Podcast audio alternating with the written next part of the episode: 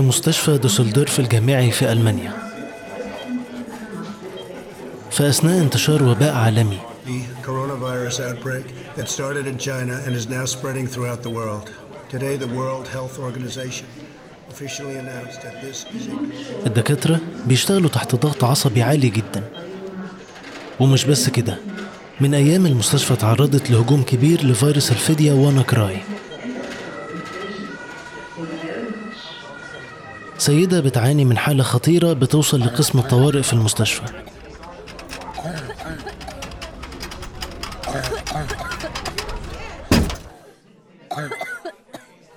الدكاترة بدأوا في إسعاف المريضة. لكن كان في مشكلة. الهجوم السيبراني على المستشفى من أيام منع الوصول لكل سجلاتها الطبية. بعد محاولات كتيرة اتواصلوا مع أقرب مستشفى تقدر تفتح أبوابها للمريضة. لحسن الحظ كان في مستشفى قريبة على بعد 32 كيلو. وفي أقل من ساعة المريضة وصلت المستشفى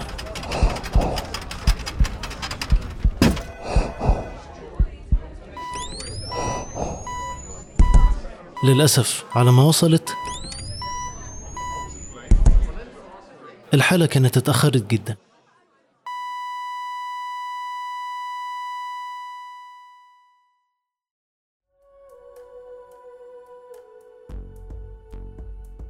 أهلا بيكم في بودكاست اختراق من إنتاج تكنولوجي. معاكم مهاب شريف ونير عيد. الحكاية المؤلمة اللي سمعناها دي ممكن تحصل لأي حد قريب مننا أو لينا إحنا شخصيا لأن استهداف المرافق العامة بقى واحد من أسوأ الهجمات اللي ممكن تتعرض لها أي دولة في العالم. ضيفنا النهاردة المهندس محمد مصطفى مدير تطوير الأعمال في شركة MCS كلمنا عن المخاطر اللي من النوع ده اللي ممكن تستهدف البنية التحتية على وجه الخصوص. أول حاجة عايزة أسألها لك خلال الفترة اللي فاتت كان في هجوم كبير major على كتير من البنية التحتية لدول كتير في العالم. لو حضرتك تقول لنا briefly كده إيه أبرز المحطات اللي كانت في آخر عشر سنين شافها العالم من هجمات كبيرة على البنية التحتية؟ قبل ما نستعرض الهجمات والهجمات المستهدفة للمنطقة أو العالم بشكل عام خلينا نقول الهجمات بقت ليه كتيرة بالشكل ده. يمكن إحنا في الفترة الأخيرة بنعيش حقبة زمنية اللي إحنا بنقول عليها application centric era. أو الحقبة الزمنية الخاصة بالتطبيقات. وبسبب اعتمادنا بشكل كبير على التطبيقات أصبح إن حجم الداتا المتداول على شبكة الإنترنت أو اللي إحنا بنقول عليه بقى exposed بشكل للعالم الخارجي ايا كان إيه هي نوعية البيانات دي سواء بيانات أفراد أو أشخاص أو منظمات بقت متداولة بشكل كبير. ومن هنا تكمن الخطورة لأن أصبح الهجمات الإلكترونية بتستهدف إن هي تستحوذ على أكبر كم من الداتا لاستخدامها فيما بعد. فبسبب إن حجم الداتا المتداول كبر بشكل كبير جدا فأصبح الاحتمالية لوجود هجمات إلكترونية بقت أكبر وبقى تم تطويرها عن الهجمات الإلكترونية اللي كانت في بدايات إنشاء شبكة المعلومات. طب كانت زي إيه؟ يعني إحنا شفنا مثلا هجوم WannaCry على المستشفيات وعلى المدارس وبعدها بشوية كان في هجوم كبير لل supply chain فإيه أبرز المحطات اللي إحنا شفناها في الكام سنة الاخيره بسبب إن حجم الداتا المستعرضة أو المستهدفة بقى شكلها كبير فتنوعت واختلفت الهجمات. وبالتالي بقى كل مجموعة مختصة بالهجمات أو إحنا بنقول عليهم ال attacking group بقوا ليهم الحافز الخاص بيهم لتفعيل عملية هجمة إلكترونية أو التنظيم ليها. وده خلى بقى فيه هجمات إلكترونية بشكل مختلف. فبعض مثلا attacking group بيبقى بيستهدف الداتا بتاعة المنظمات أو الحكومات. بأغراض سياسية استخدامها في أغراض سياسية. وبعض ال attacking group بقى المحفز بتاعه إن هو يستحوذ على البيانات الاستحواذ على بيانات بنكية وحسابات مصرفية فعلية وبالتالي الكلام ده بيترجم لفلوس. وبعض ال attacking group أنشئت لأسباب سياسية لتعطيل خدمات حكومية وخدمات فعاله وبالتالي أصبح ال service attack بقى شكله كبير والهجمات متنوعة وبيستخدم فيها techniques مختلفة ويستخدم فيها كمان advanced technologies فمرورا بإيه اللي حصل؟ يمكن حصل الفترة الأخيرة انتشر ال ransomwares أو اللي هي هجمات الفديه ودي بيبقى ال motivation بتاعها إن هو الراجل بيستحوذ على بيانات بيقوم بعملية encryption للداتا دي تشفيرها والمحفز بتاعه إن هو بعد ما بيعمل ال encryption بيطلب الجهة أو المؤسسة أو الأفراد بإن هو يدفع مقابل مادي مقابل الحصول على عملية ال decryption أو اللي هي عدم التشفير بقى للداتا دي. يمكن إحنا شفنا في المنطقة عدينا بأكتر من نوع من أنواع الهجمات هجمات منها هجمات زي denial of service إن بعض الهجمات الإلكترونية استهدفت بعض الأنظمة الحيوية اللي بتقدم خدمات للمواطنين زي مثلا شبكات الإنترنت أو شبكات التليفون.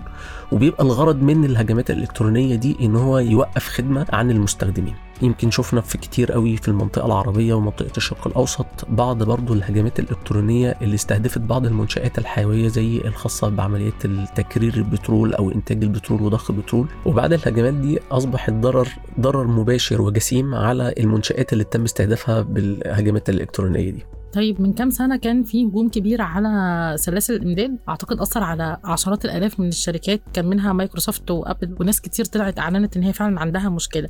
النوع ده من الهجمات اللي بيستهدف نطاق واسع جدا وبيأثر على الحياة اليومية للناس. الهدف منه بيبقى إيه؟ وإزاي بتقدر الحكومات أو الجهات المختصة إنها تواجهه؟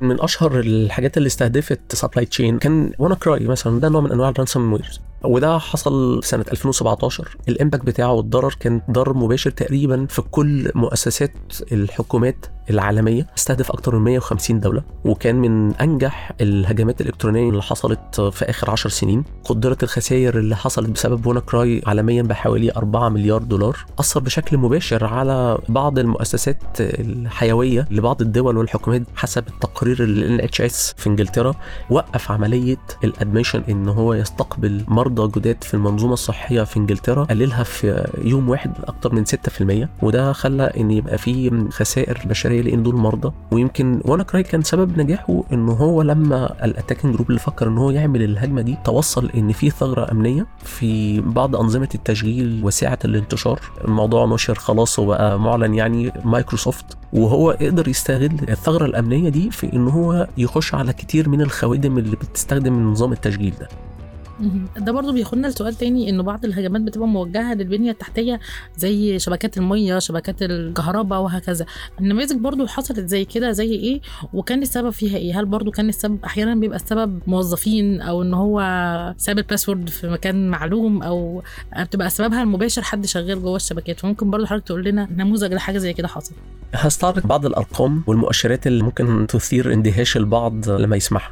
بشكل يومي في مجال ال cyber security لقينا تقريبا حوالي 70% من الهجمات تحصل بسبب ال internal user أو المستخدم اللي بينتمي للمكان أو المؤسسة أو الجهة اللي تم استهدافها بال attack ده قد يكون بسبب عدم وعي كافي بالتعامل مع ال technology برضو بيتحمل المسؤولية الفريق المختص بعملية التأمين اللي هو فرق ال cyber security المهتمة بتأمين المنظومة أو المؤسسة. وبسبب عدم وضع استراتيجية واضحة وعمليات للتصدي للهجوم بشكل واضح وعدم وعي كافي للأفراد بيحصل 70% من ال attacks بسبب أحد الدول اللي موجودة في المنطقة. تم استهداف فيها أحد المهندسين العاملين في المكان أو المؤسسة دي بحيث إن هو أثناء عملية الصيانة الدورية اتعمل عليه شوية social engineering تم جمع معلومات عنه عرفوا نقاط الضعف في الشخص ده إيه وبالتالي قدرت الجهة اللي بتنظم cyber attack ده إن هي تستخدم العضو ده أو المهندس ده في إن هو يبقى سبب الهجمة.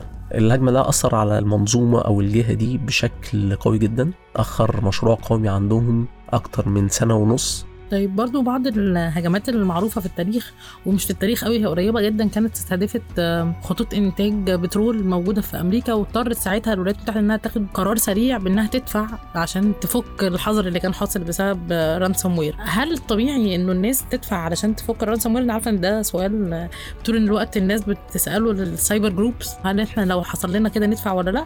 وده برضو بياخدنا لسؤال تاني إنه دور ال ethical hacking بقى. إنه ضروري يكون الدول حتى عندها جهات مختصة في ال cyber attacks تعملها داخليا عشان تتجنب حاجة زي كده. ناخد الجزء الأولاني من السؤال هل إحنا مضطرين إن إحنا ندفع ولا لأ؟ ده بيبقى يتم تقييمه على حسب الوضع وال impact اللي حصلت على المؤسسة أو الجهة. وفي بعض الجهات بتضطر إن هي بسبب عدم اتباعها للتوصيات لعملية التأمين ضد الاختراقات الإلكترونية فبيضطر إن هو علشان يحصل أو يستعيد ال data بتاعته تاني إن هو يقوم بالدفع. فبيتم تقييم الوضع.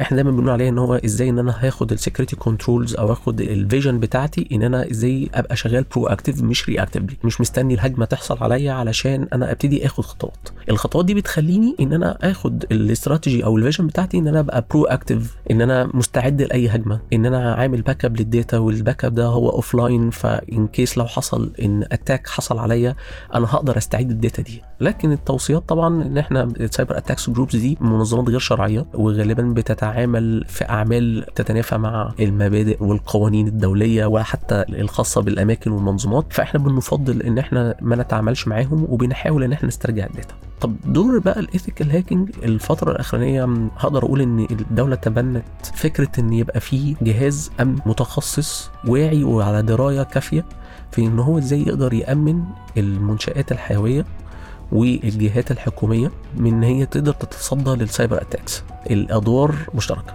الحكومة قامت بإنشاء الجهات المختصة بوضع التشريعات والقوانين النهارده بقت في أجهزة بتعمل على سواء الأجهزة دي آه، أو المنظومات دي منظومات خاصة أو حكومية بتعمل على رفع وعي الفرد أو الأشخاص عن التعامل مع ال digital world عامة. وكمان في نفس الوقت إحنا الجهات الحكومية اللي انشئت دي بتحاول إن هي تضع استراتيجية واضحة لل cyber attacks اللي بتستهدف المنشآت الحكومية أو المنظومات الحكومية. آخر حاجة عايز أسأل حضرتك عليها هي التطور الكبير في ال technology والذكاء الاصطناعي وال solutions الجديدة اللي بقت بتسيطر على العالم ويمكن منها حلول ال smart cities ده بيخلي كل حاجة حوالينا تقريبا connected بشكل أو بآخر. فده بيزود من الناحية التانية احتمالية حدوث هجمات cyber attacks فإزاي نقدر نوازن بين إن إحنا نبقى ماشيين في الطريق السليم بتاع ال connections وفي نفس الوقت الطريق السليم بتاع حماية الأمن السيبراني؟ النهارده بقت معظم المنشآت الحيوية الخاصة بسواء عمليات إنتاج أو توفير خدمات زي المية والكهرباء للمواطنين أصبحت connected وظهر يمكن مجال للتأمين اللي هو إحنا بنقول عليه ال IoT Internet of Things وال operation technology security لأن ابتدت نشوف هجمات بتستهدف هذا القطاع.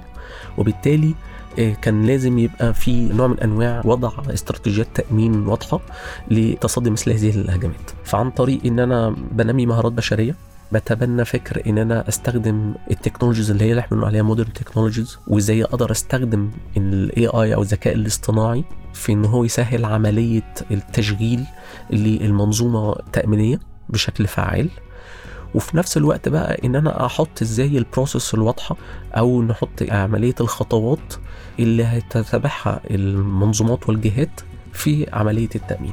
فيبقى كده أنا قدرت إن أنا أغطي الثلاث حاجات أساسية أو ال three main pillars الأساسيين اللي في أي منظومة اللي هم people الناس والمهارات بتاعتهم وال skill sets بتاعتهم ال process العمليات اللي أنا هيتم تبعها وأخيرا ال technology اللي أنا هيتم استخدامها وتطويعها في إتمام عملية الدفاع أو التصدي للهجمات الإلكترونية. أنا بشكر حضرتك جدا على ال interview حقيقي كان ثري جدا وفيه معلومات قوية وبشكر وجودك جدا معانا. أنا متشكر جدا ليك يا أستاذ نيره